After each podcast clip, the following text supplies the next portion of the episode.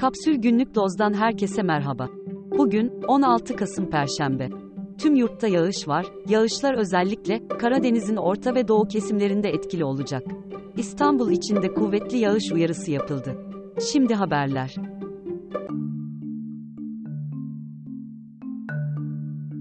Türkiye bir kez daha Avrupa Birliği'nden en fazla geri dönüştürülebilir plastik atık ithal eden ülke oldu. AB dışına gönderilen tüm geri dönüştürülebilir plastiğin %29'unu Türkiye ithal etti. Bu, 319 bin tona tekabül ediyor. Türkiye'yi, Endonezya ve Malezya izledi. Geçen yıl, AB dışına en çok ihraç edilen geri dönüştürülebilir atıklar, sırasıyla kağıt, plastik ve cam oldu. Plastik, birçok Avrupa ülkesinde, geri dönüşümü yasak olan atıkların başında geliyor. İstanbul'da 232, Adana'da ise 167 adet lisanslı plastik geri dönüşüm tesisi bulunuyor.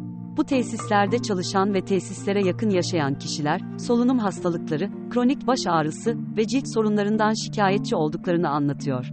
Avrupa İstatistik Ofisi'nin 2021 verilerine göre Türkiye, 14.7 milyon tonla Avrupa Birliği'nden en fazla atık ithal eden ülke olmuştu. İkinci sırada ise 2.4 milyon tonla Hindistan yer almıştı. O yıl 13.1 milyon tonluk hurda metal Türkiye'ye gönderilmişti. Türkiye, geçen yıl en fazla mayın temizliği yapan ülke olmasına rağmen halen mayın açısından dünyanın en kirli ülkelerinden biri. Türkiye'nin de taraf olduğu Ottawa Anlaşması uyarınca Ankara'nın mayın kirliliğini sona erdirmek için taahhüt ettiği son tarih 31 Aralık 2025. Türkiye'nin son bildirimine göre 5728 kara mayını bulunuyor. Hürriyet Ankara temsilcisi Hande Fırat, gazetecilerin yeşil pasaport talebini Cumhurbaşkanı Erdoğan'a iletti. Teklife göre en az 5 yıl boyunca basın kartı taşımış gazetecilere yeşil pasaport verilecek. Zeytinyağı litre fiyatının gelecek yıl 600 liraya kadar yükselmesi bekleniyor. Bunun en büyük iki nedeni ise düşük rekolte ve yüksek enflasyon. Tariş'te geçen günlerde zeytinyağı alım fiyatını 295 lira olarak duyurmuştu. Hatta gerektiği durumda yeni fiyat düzenlemesine gidileceği de açıklanmıştı. 4 kişilik bir ailenin açlık sınırı 12.928, yoksulluk sınırı ise 44.718 liraya yükseldi. Sağlıklı ve dengeli beslenmenin günlük maliyeti 430 lirayı aşıyor.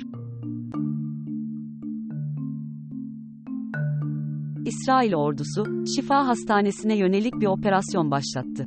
Kara harekatı kapsamında, bölgede Hamas militanları ile çatışmaya giren İsrailli askerler, son birkaç gündür, hastaneye yönelik doğrudan saldırılar düzenliyordu.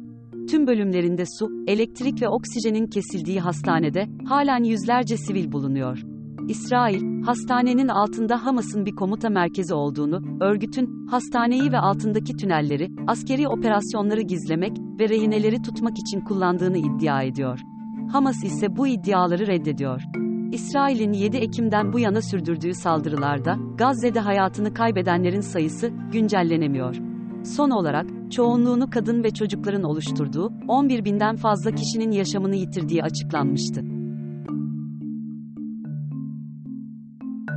İBB, toplu taşımada görülen yoğunluğa yönelik soruyu, son iki ayın İstanbul Kart istatistiklerini paylaşarak yanıtladı. Metrolarda İstanbul Kart kullanımı, bir ay içinde 12 milyon, metrobüslerde ise 4 milyon arttı.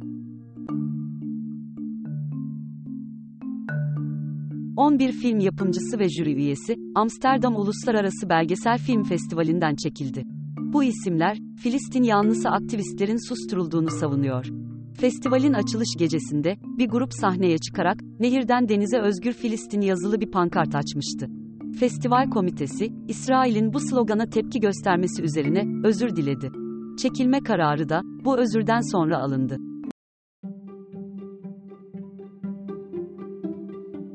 Daha fazlası için kapsül.com.tr adresini ziyaret edebilirsiniz.